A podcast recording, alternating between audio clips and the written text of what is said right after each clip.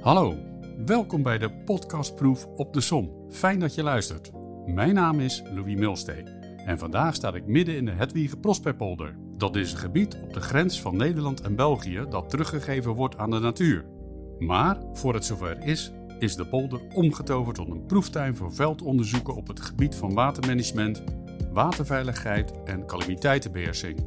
Een proeftuin die de betrokken organisaties Waterschap Hollandse Delta, Fugro, Deltares en het Hoogwaterbeschermingsprogramma een unieke kans biedt om grootschalig en innovatief onderzoek uit te voeren naar de sterkte van dijken op getijdenzand in relatie tot het vouwmechanisme piping. Regelmatig worden de dijken in Nederland afgekeurd op deze ongewenste vorming van kanaaltjes onder de dijk. Maar misschien is dit bij dijken op getijdenzand wel onterecht, omdat piping hier niet of pas bij veel hogere waterstanden optreedt. De partners die deelnemen in de pipingproef Hedwigepolder bundelen hun specialistische kennis en ervaring om met deze innovatieve proef een betere beoordeling van het faalmechanisme piping mogelijk te maken. In deze podcast nemen Mark Heijma, senior aardwetenschapper bij Deltares, Gert Ruben van Goor, projectmanager bij Furo, Johan Olstorn, technisch adviseur bij Waterschap Hollandse Delta en Anske van der Laan, senior adviseur techniek bij het Hoogwaterbeschermingsprogramma hiermee de diepte in. Ze vertellen ons hoe piping in getijdenzand eruit ziet, hoe het plan voor de proef is ontstaan, hoe het proefontwerp er precies uitziet en hoe het is opgebouwd, welk doel ze met de proef voor ogen hebben, welke innovatieve technieken er gebruikt worden, wat de proef mogelijk gaat opleveren en welke impact dat zou kunnen hebben op de totale versterkingsopgave, hoe de resultaten straks toepasbaar worden gemaakt en nog veel meer. Deze ochtend zijn wij met onze mobiele studio op locatie in de Hedwigepolder op de grens van Zeeuws-Vlaanderen en Vlaanderen in België. Aan tafel en tevens onze eerste gast is Mark Heijma. Mark is senior aardwetenschapper bij Deltares, projectleider en initiatiefnemer Pipingproof in Getijdenzand. Hij werkt sinds 2012 bij Deltares. Daarvoor zat hij twee jaar in New Orleans en bij twee universiteiten van Utrecht en Leiden. Als dat allemaal nog niet genoeg is, is Mark expert op het gebied van piping, zeespiegelstijging, bodemdaling en geologie van Nederland en de Noordzee. Deltares voert samen met enkele andere partijen die we straks nog spreken een pipingproef uit in getijdenzand. Maar wat is piping eigenlijk?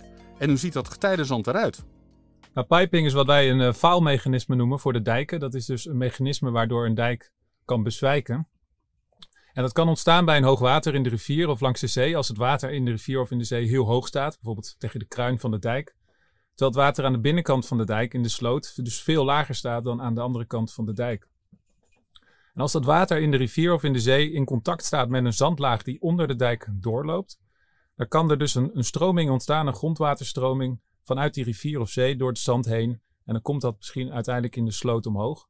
Je kunt dat je voorstellen als een soort communicerende vatensysteem. Ja, ja. Nou, als dat, als dat verschil hoog genoeg is, dan kan die kwelstroom heel groot worden. En dan zie je als eerste in de sloot bijvoorbeeld allerlei belletjes ontstaan. Dan komt water uit de slootbodem omhoog. Maar als die kwelstroom maar sterker en sterker wordt, dan kan er ook zand mee omhoog komen. Dus dan krijg je kleine kanaaltjes die zich vormen in, in, het zand, in de zandlaag. Ja, en dat is pijping eigenlijk. Uh, en die, ja, dat is eigenlijk het begin van piping. piping. Ja. En die pijp die begint dus te groeien vanuit de sloot richting de rivier of de, of de zee. En als hij helemaal onder de dijk door is en in contact komt met de rivier of de zee, dan loopt, ja, loopt niet de hele zee daar doorheen leeg. Maar dan krijg je dus een enorme vergroting van die tunnels, waardoor de, waardoor de dijk kan bezwijken. Ja, ja, ja. En uh, Mark, hoe zijn jullie uh, tot dit onderzoek gekomen? Nou, een paar jaar geleden hebben we een, ja, een werkhypothese opgesteld uh, dat specifiek gaat over getijdenzand. Al het onderzoek tot nu toe in Nederland naar piping richt zich eigenlijk op rivierzand, omdat in het riviergebied de grootste problemen waren met piping. En dat is zand, dat is vrij grof. De korrels zijn redelijk groot en er zit niet zoveel klei doorheen. Maar getijdenzand, dat, dat kennen jullie misschien wel van het watlopen of zo, dat is veel ja, ja, ja. fijner, veel plakkeriger. Terwijl daar dus wel modellen voor gebruikt worden die gebaseerd zijn op, op rivierzandproeven. Dus onze hypothese was, dit zand is minder pipinggevoelig dan rivierzand. Ja? Uh, het is dus sterker, waardoor dus dijken misschien sterker zijn dan we denken. En we dachten dat die extra sterkte kwam door, door een aantal oorzaken. Ten eerste is, het stroomt er minder makkelijk water doorheen, omdat er dus slip en zo tussen de zandkorrels in zit. Er zijn ja. minder ruimtes voor water. Dat slip is ook plakkerig, waardoor het zand minder snel in beweging komt. En ook nog, dat zand zit dus eigenlijk in een soort bed van, van slip, waardoor het ook minder snel in beweging komt. En tenslotte als laatste is, zitten er heel veel kleilaagjes in het getijdenzand, omdat dus als we van eb naar vloed gaan, het water stilstond, dan zakt dat klei naar de bodem. En al die kleilaagjes vinden we terug in het getijdenzand. En dat is een soort barrière voor, voor een pijp. Ja, ja. Dus daardoor denken we dat het, dat het zeker meer weerstand biedt tegen piping dan rivierzand. Uh, Mark, uh, kun je ook iets zeggen over de verschillen in de getijdenplaat, bijvoorbeeld in Friesland, en getijden zoals hier in de Hetwiegepolder? Ja, ja we hebben, wat we nu doen in de Hetwiegepolder, hebben we eerder een vergelijkbare proef gedaan in Friesland, maar op een ander type getijdenzand. Omdat we, wat we uiteindelijk uh, gaan, gaan maken, is een, is een nieuw model voor getijdenzand, maar er zijn dus verschillende types. En we willen dat model voor heel Nederland geschikt maken, dus ook voor alle types. Okay. Nou, in Friesland heb je getijde plaatafzettingen. Dat zijn afzettingen van een paar meter dik, maar dan wel kilometers lang. Dat zijn eigenlijk die watplaten waar je overheen loopt. Maar naast die watplaten, dat kennen jullie misschien als je verrast wordt door het vloed, daar lopen ook geulen. Ja, ja. En die geulen die stromen dus harder dan uh, het water dat ook van de platen stroomt. En daardoor zijn de korrels daar wat groter, er zit minder klei in. Dus wij denken dat getijde gulzand iets uh, minder sterk is weer dan getijde plaatzand. Dus daarom doen we onderzoek in beide zanden, zodat we dat verschil goed kunnen vaststellen. Ja, uh, wat levert het op? Nou, ons uh, onderzoek en onze nieuwe aanpak uh, zal leiden tot een realistische beoordeling van de kans op pijping in getijdenzand. En dat betekent dat dit leidt tot minder afkeuring. Maar wel goed onderbouwde minder afkeuring. Dus de dijken zijn iets sterker dan wat we nu verwachten. En wat levert dit op? Natuurlijk minder versterking, minder CO2-uitstoot, minder overlast voor mensen. waardoor we dus, denken we, meer dan 100 miljoen euro gaan besparen. En ook al doen we nu onderzoek in een postzegel, op de manier waarop we dat doen met hier in Friesland, denken we dus dat het in heel Nederland breed toepasbaar zijn, zijn onze resultaten. En uh, hoe zit de proef uh, in elkaar? Ja, dat uh, we hebben hier flink moeten innoveren. We kunnen natuurlijk niet echt een dijk met heel hoog water er tegenaan zetten. Dat zou een te groot project zijn. Wat wij hier doen is middels infiltratiebuizen water in, in die getijdenzandlaag pompen. Maar voordat we dat deden, moesten we eerst heel veel grondonderzoek doen hier in de Hedwigpolder van waar is een geschikte locatie. Want er waren een paar voorwaarden die we hadden aan een geschikte locatie. Namelijk dat we dat getijdenzand helemaal kunnen afsluiten.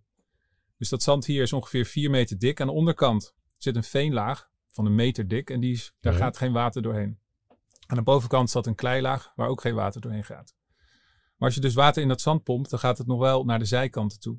Dus om dat tegen te gaan hebben we rechthoekige damwand uh, kuipen gemaakt van ongeveer 20 meter breed en 12 meter lang.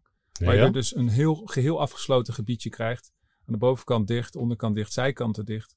En wat we vervolgens gedaan hebben is infiltratiebuizen in, in die kuip plaatsen, waardoor we dus water in dat zand kunnen pompen. En het kan dus nergens heen. Aan de andere kant van die kuip, op ongeveer 10 meter afstand van die buizen, graven we dan een sloot. En dat water gaat dan uiteindelijk via die buizen door het zand, komt het in die sloot omhoog. En dan, boot je dus een hoogwater naar met die grondwaterstroming door het zand heen. En op een bepaald moment, wij gaan die, de waterstand in die buizen vullen we steeds hoger en hoger. Dus dat verschil tussen sloot en buis wordt steeds groter, waardoor uiteindelijk die zandkorrels mee beginnen te stromen met die grondwaterstroming. Ja, en, en dan krijg je dus piping. Voor mijn, voor mijn uh, informatie, hoe diep uh, zijn die platen gezakt in de grond? Nou, die platen zijn ongeveer 8 meter lang. Die gaan door de veenlaag heen. Uh, dus die zijn hier 8 meter diep de grond ingeduwd. Oké, okay, 8 meter dus. En, om te, en uiteindelijk hebben we boven die platen, die, die steken nog net een beetje uit aan de, aan de bovenkant uit de grond, hebben we nog heel veel klei overheen gedaan. Zodat er nooit lekkage kan optreden langs, langs de damwanden. Dus echt helemaal ingesloten? Helemaal ingesloten, ja. ja, ja, ja. En uh, wat meten jullie allemaal in die ondergrond tijdens die proef? Ja, we meten heel veel uh, in de ondergrond. Uh, vooral met waterspanningsmeters. Dat zijn, uh, ja, die meten eigenlijk hoeveel druk er in het grondwater zit. Uh, en, en als je de waterstand in die buizen laat toenemen, dan zul je zien dat in het zandpakket neemt de druk op het water toe en dat meten we. Er zitten meer dan 100 in dat vakje van 20 bij 12 meter. Zo, oké. Okay. Um, we meten ook waterstand in die sloot en in die buis met diezelfde meters. Maar wat we ook doen is ERT-metingen. Dat zijn elektrische weerstandsmetingen. Dat meten we door 270 haringen in dit geval in de grond te plaatsen naast die sloot. Via die haringen schieten we stroom door de grond heen. Ja. En een grond heeft een bepaalde weerstand tegen stroom. Klei gaat weer stroom anders door dan door zand. En als het nat is ook. Of als het brakwater is. Dus we meten de stroomweerstand uh, en die is, die is gelijk in de grond als je niks verandert. Maar als ergens een pijp ontstaat, dan, dan is er dus op een plek waar eerst zand en water zat, zit nu alleen maar water. Omdat daar een tunneltje is met alleen maar water. Dus de stroom gaat nu anders door dat gebiedje heen dan eerder, omdat daar nu een ander soort type grond zit, namelijk alleen water in plaats van zand met water. En dat verschil in weerstand, dat kun je, kunnen we meten met deze techniek. Ja. Een andere techniek die we hier gebruiken is glasvezelkabels. We hebben op tien plaatsen verticale glasvezels door het hele zandpakket heen geplaatst. En die meten de temperatuur. Ehm, net zoals buiten in de wind, als het hard waait, dan, dan koel je sneller af. Dat gebeurt ook met grondwaterstroming. Dus die, die glasvezels hebben een bepaalde temperatuur. We kunnen die ook nog opwarmen tot boven de 60 graden. En dan daarna kijken hoe snel die afkoelen. En dat afkoelingsproces verandert dus als het grondwater sneller gaat stromen. Dus op die manier kunnen we ook de snelheid en de richting van het grondwater uh, vaststellen middels ja. glasvezelkabel. En de laatste techniek die we hier doen is infrarood. Dus boven de sloot hangt een infraroodcamera. En we gaan ervan uit dat het water dat uit de ondergrond opborrelt in de sloot kouder is dan het water van de sloot zelf. Omdat dat in de zon zit en in de buitenlucht. Dus je ziet dan heel goed waar kouder water uit de grond begint op te borrelen. Ja, dus verschillende kanten, verschillende facetten worden hier belicht, ja. gemeten om dadelijk tot een, eh, een, eh, eh, totale conclusie te komen, een totaal rapport eigenlijk. ja, precies. Want we kunnen wel meten bij welke waterstand in die infiltratiebuis er piping is, maar we willen het ook kunnen begrijpen en hoe het gebeurd is. En dat kan alleen maar door zoveel metingen uit te voeren. Ja. En ehm, ja, als laatste vraag nog, Mark. wat is het doel van deze proef eigenlijk? Ja, dat, dat sluit heel goed aan bij wat ik net zei. We willen dus zien hoeveel sterker getijdenstand is tegen, tegen piping. Maar we willen het dus ook kunnen begrijpen, omdat we dus uiteindelijk die extra sterkte willen kwantificeren. Of de eigenschappen van de verschillende sterktecomponenten die ik net noemde, zoals slip. Ja. Die willen we pinnen op bepaalde waarden of hoe je die kan invullen in een model. Want alleen op die manier kun je het dus in heel Nederland uh, uiteindelijk gaan gebruiken. Want anders blijft het een postzegelonderzoek. Maar je moet het echt breder trekken door te begrijpen hoe het, hoe het gebeurt en waarom het sterker is. En op die manier kun je het dus heel geschikt maken voor beoordelingen straks in heel Nederland. En heeft de hele dijkenwereld in Nederland hier, hier wat aan. Ja, ik vind het een fantastisch verhaal, Mark. Dankjewel. Mag ik je uh, hartelijk bedanken voor je, voor je komst uh, naar deze bus. Graag gedaan. Leuk dat jullie hier waren. Ja, ik vind het fantastisch ook om te zien, want het uitzicht hier ook is, is fantastisch. Je ziet de, de, de proef ook gewoon staan. nogmaals, hartelijk bedankt en ja, wellicht tot ziens. Tot ziens. Bedankt. Bye bye. Dag. Van Mark gaan we naar Gert Ruben van Goor. Hij is projectmanager bij Fugro en verantwoordelijk voor de pipingtest in de Hedwigepolder. Gert Rumen was al eerder nauw verbonden bij de veldproef in Friesland, nu een jaar geleden, waarbij al geconcludeerd kon worden dat het lijkt dat getijdenzand door een fijne fractie sterker is dan rivierzand. Gert Ruben, welkom in deze mobiele studio op deze locatie en ook op deze prachtige dag, want dat is het. Dat is zeker. Oké, okay, ehm, begin bij eh, vraag 1, om ook jou deze vraag te stellen. Wat is de aanleiding geweest van deze proef eigenlijk? Nou, de aanleiding van deze proef waarom we uiteindelijk in de Hedwigepolder staan, is dat we natuurlijk in Nederland een hele rijke traditie hebben van waterkeren. We leven onder zeeniveau, dus die dijken zijn heel belangrijk. Die dijken beoordelen we ook periodiek. Hè? Ja. Een beoordelingsronde, eigenlijk een APK voor dijken. Uh, en als ze niet voldoen, ze zijn niet hoog genoeg, niet breed genoeg, dan gaan we ze versterken. Dus die dijken die controleren we regelmatig op uh, verschillende faalmechanismen, zoals we dat noemen. En een van die faalmechanismen is piping. En wat je ziet in de praktijk is, uh, als we dijken beoordelen of moeten versterken, dat er nog een forse, uh, een forse versterkingsopgave uit voortvolgt. En een opgave die soms ook ja, niet herkend wordt door de ingenieurs, zoals ik zelf hè, en mijn collega's, die rekenen aan de dijken, maar ook de waterkeringbeheerders zelf, zoals de waterschappen. Enorme opgave met ja, soms wel tot 50 meter berm dat er aangeplakt moet worden aan een dijk. Zo. Um, ja, en dan ook alleen maar op de faalmechanisme piping soms zelfs. Terwijl we ja, in de praktijk soms die zandmeevoerende welletjes, wat een teken is van ja. hey, de treedpiping op, dat we die niet altijd zien in het veld. Ja, ja, ja, ja. En, en uh, hoe is die proef tot stand gekomen? Eh, dat, hè? Uh... Ja, we, we, zijn ook samen met Deltaris al uh, een paar jaar bezig eigenlijk om steeds meer onderzoek te doen naar dat fenomeen. Onder andere naar piping dus. Om te kijken van hoe sterk zijn die dijken nou? tegen het faalmechanisme. Want onze verwachting, hypothese is dat dat, dat, dat zand dat hier ook onder deze proeflocatie ligt, dat dat sterker is. En dat, komt, ja, dat is eigenlijk dat getijdenzand. Dat heeft een andere samenstelling ook dan rivierzand, wat je langs de Nederlandse rivieren vindt. Ja. En waar eigenlijk die rekenregel die we nu toepassen in onze sommen, op is gecalibreerd. Ja, ja, ja. En, en, welk, doel, uh, welk doel hebben jullie voor ogen? Ja, we Bij de- hebben met deze proef tot doel dat we dus de daadwerkelijke sterkte van dit getijdenzand eh, tegen piping gaan eh, onderzoeken, gaan vaststellen. Ja. En we doen niet alleen onderzoek, we doen het ook niet alleen op deze locatie. We gaan nog heel veel kleine en medium schaalproeven ook in het laboratorium doen. En ook eh, samen met Delta Res? Of, eh dat is echt een samenwerking? Dat is ook zeker een samenwerking Ja, met Deltaris, met het waterschap en het hoogwaterbeschermingsprogramma. Ehm, dat maakt het de proef ook wel uniek. Hè? Dat je met deze partijen, en eigenlijk zijn we al 2,5 jaar bezig om dit van de grond te krijgen. Om het project verder te krijgen. En al die proeven hebben dus tot doel om, dat, ja, om de sterkte van de getijdenzand tegen piping te bepalen. Ja. En dus niet alleen onderzoek te doen, maar wat, veel, of wat minstens zo belangrijk is, is dat we die nieuwe kennis ook toepasbaar maken voor de praktijk. Ja, ja, ja. ja. Dus als wij in die beoordelings- en versterkingsprojecten eh, gaan rekenen aan die opgaven, dat we de meest actuele kennis kunnen gebruiken. En mocht dat getijdenzand, als dat sterker is, waar we nu van uitgaan, dat we die nieuwe kennis dus ook meenemen in die, Naar, in die rekenregels. ja, ja, ja. En eh, wat, wat maakt nu eh, dat deze techniek zo innovatief is eigenlijk? Ja, de proeven zijn in die zin innovatief is hè, alleen op de schaal en de grootte natuurlijk, maar dat we de proeven natuurlijk ook uitvoeren op natuurlijk materiaal. Dus ehm, we gaan er uiteraard in het laboratorium nog testen. Ook dat doen we op natuurlijk materiaal en ook op een deel van gezeefd materiaal, wat we zelf inkopen en zelf gaan bijmengen. Maar een proef op deze schaal op natuurlijk afgezet materiaal, Ja. zo op dat getijdenzand, dat is best uniek. Ja, ja. Het lijkt me natuurlijk ook prachtig om te doen, dit. eh. Dit is, eh, hier eh, haalt menige ingenieur zijn hart dan op. ja, proeftuin. Dit is, Ja. echt, dit is echt een proeftuin. En dit is, ik noem het, ik zeg tegen mijn vrienden ook als, als ze vragen van Ger, wat ben je nu weer aan het doen in deze polder? Ik zeg ja, het blijft spelen met water en zand Ja, eigenlijk. ja, ja. Maar dan met de samenwerking ook met elkaar ga je dit realiseren eigenlijk. Zeker. En ik, ik, ik vind dat voor mij persoonlijk ook een, een, een van de mooie dingen aan dit project. Hè? Dat je het ook echt eh, met elkaar doet, samen, met veel partijen. overleg en, en, en wat het best complex maakt, denk ik. Wat het eh, Eh. aan de ene kant heel complex maakt, maar je ziet, het- ja, en eigenlijk hebben we dat in, tijdens het hele proefontwerp, ook al tijdens cor- coronatijd, dat was ook al een, een uitdaging om alles ook digitaal te doen. Maar we wisten elkaar goed te vinden, aan te vullen. En natuurlijk heb je een brainstorm en een discussie, maar altijd met een gezamenlijk doel. Ja. Ehm, ja, en met een gezamenlijke energie die erop zit. En dan weet je elkaar te vinden en aan te vullen. Ja, ja, ja. Ja, en dat is Ja, fantastisch. Prachtig, prachtig. Ja, een. En, en, en eh, hoe ziet dat proefontwerp er precies uit? Het, eh, het, het proefontwerp of jullie eh, ja, gaan maken. Wat we hier hebben liggen is, hè, we, we proberen dus eigenlijk een grondwaterstroming in die ondergrond op gang te brengen. Want grondwaterstroming is de motor achter dat pipingproces. Zonder grondwaterstroming geen piping.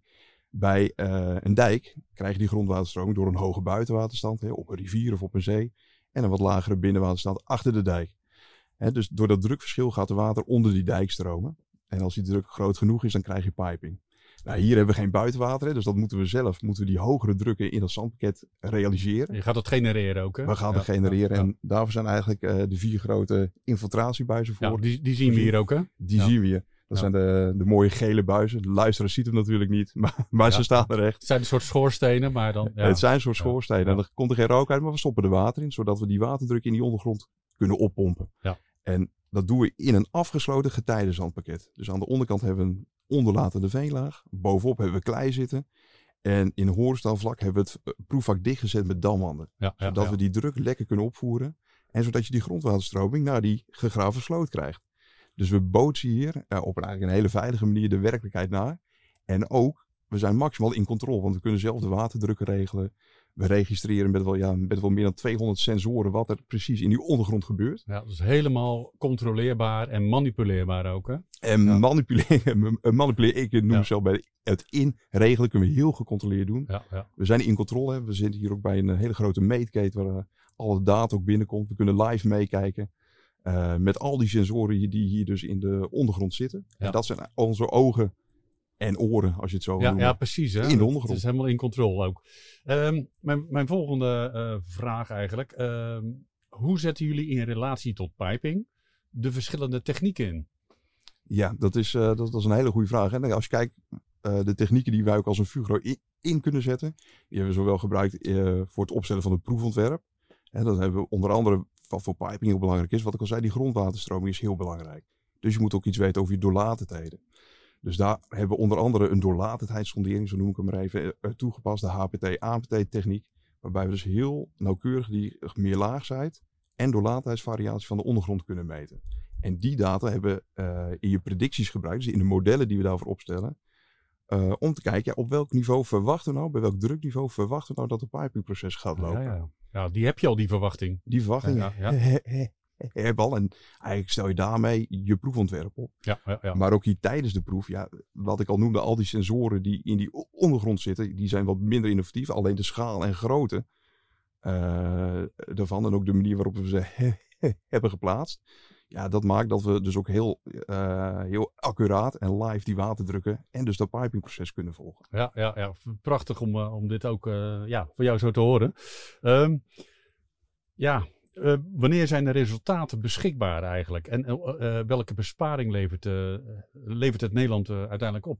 Ja, we zijn nu in deze maand september dus nog bezig om de proeven uit te voeren. Nou, natuurlijk komt daar nog een periode van analyse, dataverwerken achteraan. Ja. Um, het project hè, pipingproof ingetijden. Dus dan dat loopt door tot ongeveer begin uh, 2022. Oké. ja. En op dat moment willen we dus ook die, die nieuwe kennis die we hier opdoen, toepasbaar hebben gemaakt voor de praktijk. Dus we gaan ook echt deze kennis en de resultaten die we hieruit krijgen, vertalen naar dijktrajecten. Ja, ja, en dan, dan wordt eigenlijk de proef als zodanig hier uh, het eind van het kwartaal 2022 wordt afgebroken. Uh, deze Ontmanteld eigenlijk. Ja, we moeten van uh, de aannemer die hier bezig is met dit prachtige gebied te ontpolderen, moeten we in oktober ook wel weg zijn. Want dan gaan ze de rest van de dijk afgraven. De wegen die gaan eruit. Dus er zit enige spoed bij. Ja, ja, ja. Maar dat zit allemaal binnen de planning. Ja, precies. En, en, jullie lopen gewoon nog goed? Zoals het, uh... Wij lopen nog gewoon nog goed. Ja, dus ja. dat zit allemaal op planning. En ja, we voeren deze grootschalige veldproeven dus uit in de Hedwiegepolder. Een gebied wat ook teruggegeven wordt aan de natuur. Dus als we hier ook naar buiten kijken, zien we dumpers rijden. Is een aannemer bezig om dit hele gebied te herinrichten. En dat maakt het ook complex, want je zit ook met zijn planning. Met zijn materieel en mensen die hier bezig zijn. Maar ook een tijdspanne, dus een planning. Dus wij moeten in oktober hier ook wel weg zijn. Uh, anders gaan ze de rest van de dijken weggraven. De wegen die gaan eruit. Dus daar ligt enige tijdsdruk, maar er is opgepland. En wij lopen nog volgens planning. Dus ja, ja. dat gaat, goed, gaat allemaal goed. Dat gaat allemaal goed. Um, ja, welke besparing levert het Nederland uiteindelijk op, deze proef? Ja, Kun je daar iets over zeggen? Ja, zeker. Uiteindelijk uh, kijken we dus hoeveel sterker dat getijzeld is tegen piping. Dus dat kan inhouden dat uh, dijkversterkingen minder fors hoeven te worden uitgevoerd. Dus dat scheelt gewoon kubsgrond, scheelt materieel, materiaal. Uh, we hebben daar in de business case voorafgaand aan dit project eigenlijk aangerekend. Dus al een beetje, wat zou dat op kunnen leveren? En dan, ja, we houden ervan om alles uit te drukken in euro's natuurlijk. Hè. Dan kom je al uit op 100 miljoen ja. tot honderden miljoenen euro's wat je kunt besparen. Uh, en dan kijken we alleen maar nog naar het geld, zeg maar. Als je kijkt naar uh, een dijkversterking hoeft minder fors. Dat houdt dus ook in minder vervoersbewegingen, minder materiaal. Dus ook minder impact op omgeving en milieu. Ja, ja dus die, die ontlast je daarmee natuurlijk ook, doordat je kleinschaliger gaat, uh, gaat, gaat werken. Absoluut. Ja, en, en, die, en die, die 100 miljoen waar je over spreekt, op wat voor termijn moet ik dat zien? in jaren? Ja, dat kan nog vrij snel gaan. Want we willen eigenlijk, uh, als het hele project klaar is, dus in ja. uh, kwartaal 1 van 2020, uh, 2022, willen we die nieuwe kennis al toepasbaar hebben gemaakt voor de praktijk. Ja, en eigenlijk dan vrij snel daarna kunnen de ingenieurs, de dijkingenieurs, kunnen al rekenen met die nieuwe kennis. Ja. En dat zal instant aan gewoon een nieuwe besparing uh, op kunnen leveren in die dijkprojecten. Dus eigenlijk al in het voorjaar van, van aankomend jaar, 2022, kunnen ingenieurs al met jullie gegevens aan de slag. Ja, er zal natuurlijk ook tijd overheen gaan voordat hè, de rekenregels ook echt daadwerkelijk geïmplementeerd worden. Het moet ja. ook wettelijk vastgesteld worden, worden zelfs. En je hebt een aanlooptijd nodig, hè, uh, dat die nieuwe kennis ook wordt meegenomen in beoordelingsprojecten. Ja, precies. Dus dat, dat wel even overheen. Hè? Ja, dus dat dat meteen in 2022 is, dat is optimistisch. Ja, ja, ja. maar zeker vanaf de voorjaar de kennis moet landen. Ik denk dat dat een kwestie van jaren is. Maar dat kan op vrij korte termijn. Korte termijn al, ja. Termijn. Hey, en en ja, ze zijn natuurlijk ook bezig met, met allerlei dumpers om, om het gereed te maken voor het terugwinnen aan de natuur. Hè? Heb ik me laten vertellen. Um, wanneer moeten jullie hier uiterlijk weg zijn met deze proef? Want er staat nog wel wat hier. Er staat nog wat hier, dat klopt. En wij, wij hebben de opgave eigenlijk en de doelstelling om hier in oktober deze proef af te ronden. Ja, oktober, eh, eh, ja, aan, aanstaande oktober. Hè? Aanstaande dus, oktober, ja, ja, precies. Ja, ze, ze, ze zeker. Want dan, ja, dan gaat hier de aannemer ook verder met het, ja, met het weggraven van de dijken, het opbreken van de wegen. Ja. Ja, dus dan, dan is deze site ook niet meer bereikbaar of heel slecht bereikbaar. Ja, alle hij- platen eruit ook, alle damwanden eruit getrokken. Alle damwanden eruit getrokken. Ja, we, mogen weinig laten zitten natuurlijk, want het wordt een, natuurgebied. Ja, dus alles eruit. Alles eruit. Zo, nou, even een klus. Dat is ook nog een klus. Zo. Zeker. Gert Ruben, ik wil jou hartstikke bedanken voor, eh, voor jouw komst in, de in de bus. Hier eh, op de locatie in de Hetwiegenpolder. Ehm ik ben heel benieuwd hoe het allemaal verder gaat. En ik blijf het volgen. Hartstikke leuk. Dankjewel. gedaan. Dankjewel. Dank jullie wel. Hey, fijne dag. Hey, tot kijk. Hoi. Hoi. Onze derde gast in deze podcast is Johan Oosthoorn van het Waterschap Hollandse Delta. Johan is technisch adviseur binnen het cluster Kering en Infra van het WSHD. Daarnaast is hij bezig met het verzamelen en vertalen van wensen binnen het waterschap naar de eisen in een contractuitvraag. Daarbij voert hij gesprekken met adviesbureaus en aannemers over mogelijkheden en onmogelijkheden binnen deze opgaves. Welkom Johan, welkom in de bus. Ehm, we staan hier nu op die, eh, op die proeflocatie in uh, Hetwiegepolder. Ehm ja, mijn vraag, ook aan jou. Eh, wat doen jullie hier precies? Eh, nou, wij zijn hier in de Hetwiegepolder vanuit Waterschap Hollandse Delta. Samen met eh, Deltaris, Fugro en het Hoogwaterbeschermingsprogramma.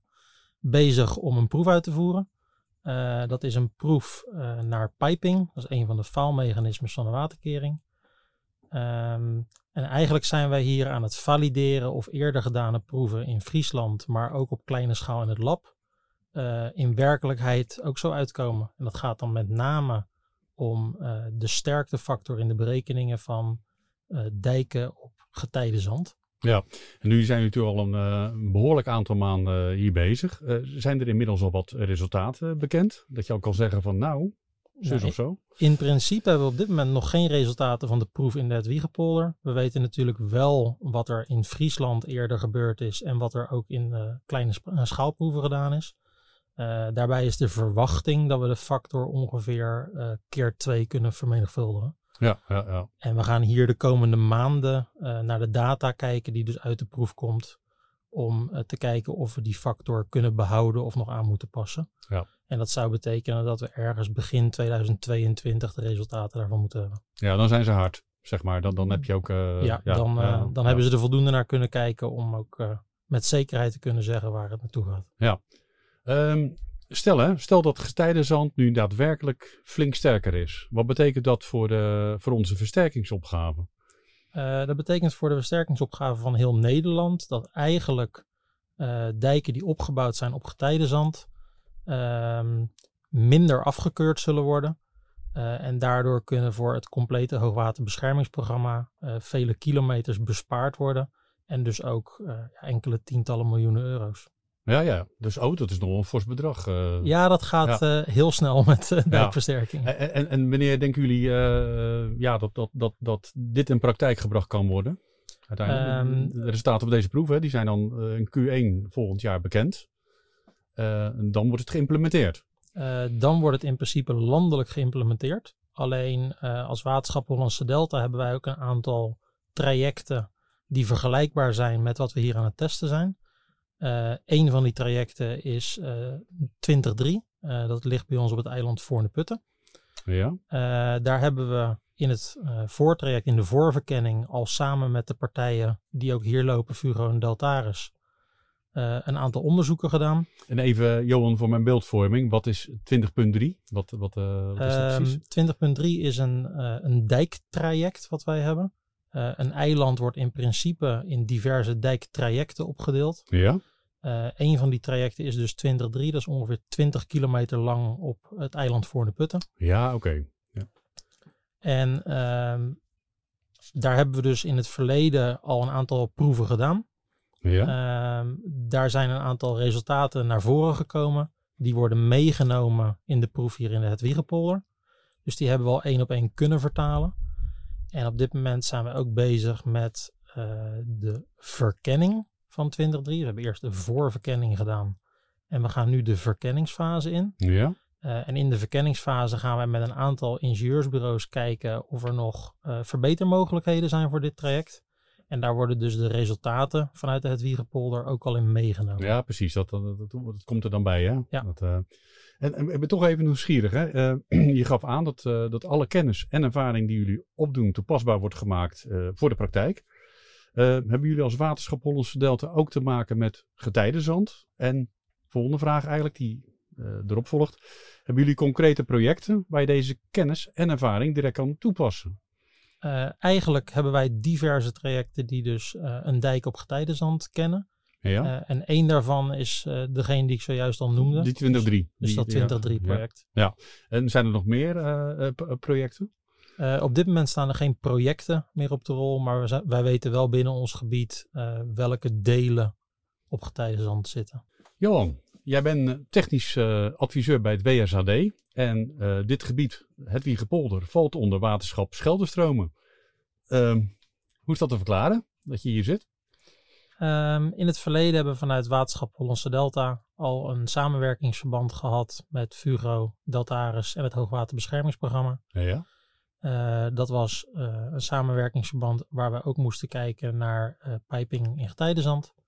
En vandaar dat het Hoogwaterbeschermingsprogramma ons gevraagd heeft om hier de proefbegeleiding op ons te nemen. Ja, en die, die samenwerking gaat wat jou betreft nog steeds super. Ja, perfect. Echt de onderlinge communicatie, het, het, werken aan, aan, het gezamenlijke doel. Het is een, een fijne samenwerking zoals ik hem tot nu toe heb mogen ervaren. Ja.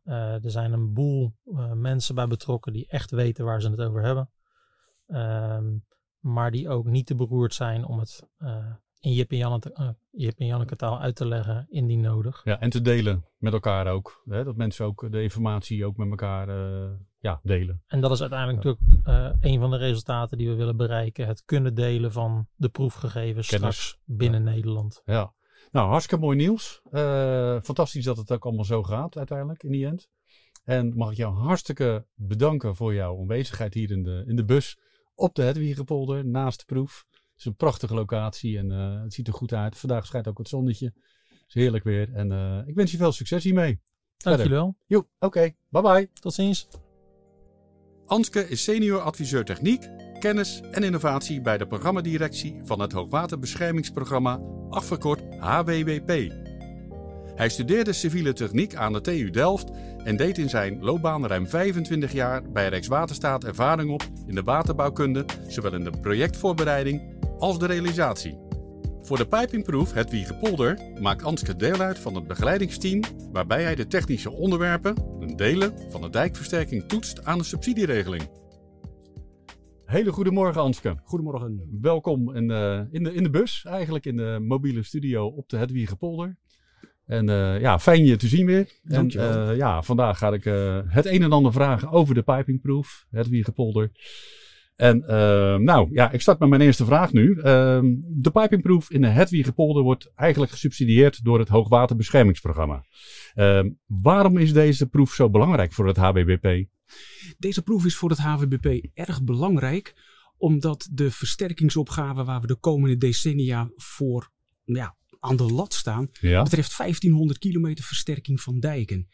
En bij heel veel van die dijken, vele honderden kilometers, is het faalmechanisme piping de reden om de dijk af te keuren. Lees, hij voldoet niet aan de wettelijke norm. Ja. Het lastige is dat het bepalen of een dijk niet voldoet aan de norm, en dan in het bijzonder het faalmechanisme piping, betekent dat er gebruik gemaakt is van een model die eigenlijk niet weergeeft wat de praktijk ja, waarneemt en aangeeft. Ja.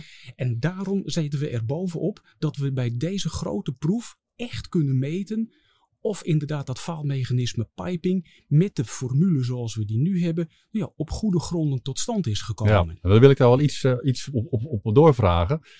Wat maakt deze specifieke locatie op die Hedwigepolder uh, zo uniek? Waarom is er gekozen voor, voor, voor Hedwigen? Er is gekozen voor de Hedwigen om twee redenen. De formules die we dus nu hanteren is gebaseerd op rivierzand. Ja. En waar wij nu bij, bij zijn, in dit gedeelte van, van, van, van Nederland, is get, af, uh, getijdenzand. En dat getijdenzand heeft andere eigenschappen dan het rivierzand. Dus het rivierzand, daar is de formule van Selmayr op gebaseerd, op afgeleid. En dit is een gebied, gebied waar getijdenzand is. En dat getijdenzand is anders qua samenstelling en ook hoe het in de afgelopen eeuwen is opgezet. Rivierzand is uniform, dezelfde soort en diameter van korreltjes. Ja. Echter, het getijdenzand is met het getij opgebouwd. Dus je ziet dat daar in de verticaal verschillende diameters van zand in uh, is op afval gezet. En er zitten ook heel veel fijne korreltjes in. Nou, dat maakt dat de weerstand van dat zand tegen het doorstromende water van die kwel vele malen hoger is. Rivieren, rivierzand natuurlijk in het oosten van Nederland en getijdenzand veel meer in het westen van Nederland. Ja, ja, dat is een grote strook vanaf Delfzijl tot en met op deze locatie. Daar ligt getijdenzand. En in de Hedwigepolder hebben we nu de mogelijkheid om een schaalproef te doen. Niet een schaalproef, een schaalproef één op één. Ja. Immers, we zitten in een gebied waar getijdenzand zit. Hier zo langs de kust. En daarom maakt het deze locatie zo geschikt. Dat is het eerste punt. En het tweede is, de Hedwigepolder wordt ontpolderd en teruggegeven aan de zee. Kortom, we kunnen in een dijk ja, die kunnen we lek prikken. We kunnen daar ons uitleven als techneuten om te meten wat we willen meten. Ja, ja, ja. En, en uh, Anske, wat, hoe groot is het pipingprobleem eigenlijk uh, voor de Nederlandse dijken? Die is erg groot. Erg groot. En dat komt ook omdat we gebruik maken van een model waarvan we denken van, nou, die geeft niet het juiste weer. Ik schetste net al, we hebben rivierzand en getijdenzand. Ja, en omdat die ook uh, vaak maatregelen vereist als je de dijk wilt versterken en het valmechanisme piping dient opgeheven te worden, dan betekent dat dat je best wel ingrijpende maatregelen moet treffen die vele meters, tientallen meters grondgebied, grond en gebied van ja. mogelijk bewoners uh, ja, tot gevolg heeft. En dat maakt het ook buitengewoon lastig om die bewoners te overtuigen dat er inderdaad aanzienlijke versterkingen bij hun dijk moeten komen. Alleen weten we dan als techneuten, ja, de formule die we hanteren, ja, daar moeten we echt nog aan gaan schaven. Dus de trefzekerheid van uw tuin moet worden opgeofferd voor de dijkversterking, moeten we dan ook echt goed weten. Ja, dat je hem goed kan beargumenteren en, en, motiveren ook waarom dat je dat gaat doen. Eigenlijk. Precies, ja. precies. En, en deze grootschalige proef levert dan uitkomsten op waarmee we dat model goed kunnen ja, valideren. Ja, ja, ja, ja dat, dat is, dat is uh, uh, fantastisch. Um, nou zit jij natuurlijk bij het HBBP. Um, op welke wijze zijn jullie eigenlijk betrokken bij deze proef? Het HWBP is niet alleen voor het versterken op een traditionele manier van dijken. We omarmen ook en stimuleren financieel om innovaties uh, ja, een, een stap verder te zetten. Op verschillende vlakken, zowel in proces, maar ook in productinnovaties, stimuleren we dat financieel. En bij deze proef, waarbij het waterschap Hollandse Delta ja, de handdoek heeft opgepikt van God, dat willen wij wel uitvoeren. Op die manier stimuleren we dus innovaties. Ja, want, want, op een traditionele manier versterken gaat nou niet te langzaam. Dat moet sneller, het moet sneller, slimmer en goedkoper. En daar ja, even plat gezegd, trekt het HVBP de portemonnee om dat mogelijk te maken. Ja, ja, oké. En kun je ook aangeven welke inzichten uh, deze pipingproef op gaan leveren? Ja, dat kan ik. Het is natuurlijk een proces wat op vele meters onder de grond zich afspeelt. En Nederlandse grondopbouw is een wirwar van opbouw. Klei, zand, veen enzovoort. De, de bodemopbouw hier op deze plek is weer anders dan 50 meter of 100 meter verderop. Dat maakt het dat je verwachtingen van uh, te treffen maatregelen lastig kunt inschatten. Deze proef op deze plek gaat informatie opleveren die uh, helpt om het model beter te maken, een, een factor beter te kunnen valideren. En omdat we hier echt schaal 1 op 1 kunnen gaan meten, is die uitkomst ook betrouwbaar. Ja, trefzeker eigenlijk. Trefzeker, ja. ja. Kan je me 100% zeggen? Of, of, blijft er altijd nog een beetje een, een, een, gok ergens? Nee, gok zou ik het niet willen noemen. Het blijft met onzekerheden omgeven. Ja, ja. Er, er is altijd een verwachting. Stel, we komt hieruit van nou, het is zoveel keer sterker dan kun je niet zeggen tot drie cijfers achter de komma dat het ook zo, zo is. Er blijven onzekerheden. We hebben ook eh, het HVBP een, een, eh, proef gesubsidieerd in het noorden van Nederland, bij, uh, bij het Wetterskip Friesland. En ook daar zijn uitkomsten uitgekomen. Hebben we ook kunnen zien van de sterkte van het getijdenzand is groter dan van het rivierenzand. Nu zijn Ja. we in het zuiden van Nederland. Andere locatie. an- andere locatie. andere- En er zal ongetwijfeld weer een andere uitkomst uitkomen. Echter, we zijn als techneut dan wel erg blij dat we daar een mooie lijn doorheen kunnen trekken. ja, Puntenwolk ja, ja, ja. van, oké, wel degelijk kunnen we een tendens herkennen dat het Parallaxen getijden- eigenlijk, hè? eh, onderling. Ja, ook, ook dat. Maar goed, als we dan een puntenwolk hebben, we kunnen daar een mooie lijn doorheen trekken. Ah, het getijdenzand is zoveel keer sterker dan het rivierzand. Ja. Ja, en dat kunnen we dan onmiddellijk onder de arm meenemen naar alle andere waterschappen. Waarbij de dijken op het faalmechanisme piping is afgekeurd. En zeggen wij, deze, deze gegevens hebben we Ja. en eh, maak er gebruik van. Ja, ja, ja. En de resultaten van de proef die, die worden in het voorjaar van eh, 2022 verwacht, hè? eigenlijk in eh, het eerste kwartaal. Ehm, wat gaat het HBBP met deze eh, resultaten doen in concreto? Eh, zoals ik net zei, we Ja. nemen ze onder de arm mee. We gaan er nog een keer goed naar kijken. En dan kunnen we best wel zeggen tegen eh, de waterschappen: ga met deze nieuwe inzichten aan de slag. Leg uit waarom je ze niet gaat toepassen, zou dan zelfs kunnen Ja, zijn. ja, En daarmee kunnen we de waterschappen ook helpen hun communicatie te verbeteren naar de bewoners. Immers, we kunnen dan aangeven: dit is een, een, een methode, een model, het model van Selmayr, gekalibreerd, beter gekalibreerd op getijdenzand. En daarmee de dis nou, discussie kunnen we zeggen: nou, dit ja. is het. Dit is het argument en dat is ook getoetst hè, eh, hier in, in eh, de Hedwiegen. Jazeker, Ja, ja, zeker. U ziet hier al deze mensen omheen die nou ja, Ja. kennis van zaken hebben. Ja. Vugro Deltaris, Hollandse Delta. Ja, het is allemaal participanten. Hè? Ik vind het wel mooi om te zien hoor, al die eh, verschillende... dat benadrukt Ja, eigenlijk ook wel de urgentie om dit goed uit te zoeken. Omdat ja, het, het grijpt altijd in, in het landschap, maar ook bij de mensen in de voortuin, bij wijze van Ja. spreken. En dan moeten we het wel zeker weten. Ja, dan moet je het ook kunnen communiceren. Ook dat. Ja. Ook dat. Ja, precies. Uh, als, echt te- als techneuten lukt dat misschien ook wel. Ja, ja, ja. ja. En, en het tweede is Ja. dat we natuurlijk Ja. deze informatie beschikbaar kunnen gaan stellen aan universiteiten. En ja, Ja. dit, dit is de meest recente informatie. Ja, ja, ja. De, de, de, de- deze pipingproef in die Hedwig Polder is een van de vele innovatieprojecten van het eh, hoogwaterbeschermingsprogramma. Ehm, ja, misschien heb ik hem dubbel gezet, maar waarom is deze innovatie zo belangrijk voor het HBBP? Omdat deze innovatie, eh, de, de combinatie dat je het nu schaal 1 op 1 kunt doen. Waar treffen we in Nederland zo'n prachtige locatie Ja. aan waarin we dit echt kunnen meten? Omdat het natuurlijk een, een faalmechanisme is wat ja, best wel lastig te bepalen is. En innovatie, we moeten het sneller, slimmer en goedkoper. Er is immers namelijk een wettelijke verplichting dat de dijken in Nederland in 2050 aan de norm moeten voldoen. En als je weet als waterschap dat je opgave kleiner wordt, minder ingrijpend, dan kun je ook sneller de uitvoering vormgeven Ja, en kun je meer kilometers per jaar maken. Niet alleen piping stimuleren we, maar op alle gebieden, proces, product, eh, innovaties stimuleren we om daarmee het tempo maar te verhogen. Ja, ja, ja. En hoe stimuleert het HBBP de alliantie tot innovatie? Dat lijkt me ook nog wel wat. De, ja, de, de, Ja. al- de alliantie van verschillende waterschappen. We zijn ook erg blij dat Hollandse Delta deze pipingproef onder haar hoede heeft genomen. Maar zo is ook bij het Wetterskip Friesland. Ook daar zijn proeven geweest. En we merken ook bij andere waterschappen, en die zijn meer in het rivierengebied, dat die openstaan voor eh, maatregelen tegen het faalmechanisme piping, grofzandbarrière enzovoort. En ook daar is het onder andere het waterschap Rivierenland voor eh, ja, aan de lat is, heeft zich daarvoor ja, opgeworpen. precies. Ja, ja. Dus we zijn er wel degelijk op. Bovendien heeft het HVBP ook de zogenaamde kennis- en innovatieagenda.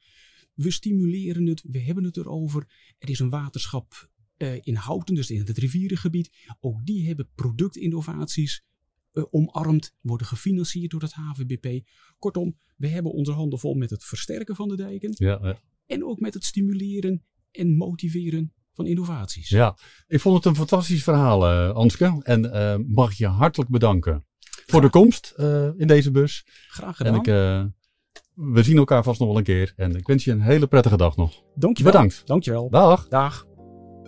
Ik wil Mark, Gert Ruben, Johan, Anske hartelijk danken voor het delen van deze boeiende informatie en inzichten. En jou natuurlijk voor het luisteren. We hopen dat je een berg kennis hebt opgedaan. Zodra de eerste resultaten van de proef bekend zijn, delen we die graag weer met je. Dus blijf in de buurt, abonneer je op ons kanaal en stay tuned. Tot de volgende keer. Bye bye.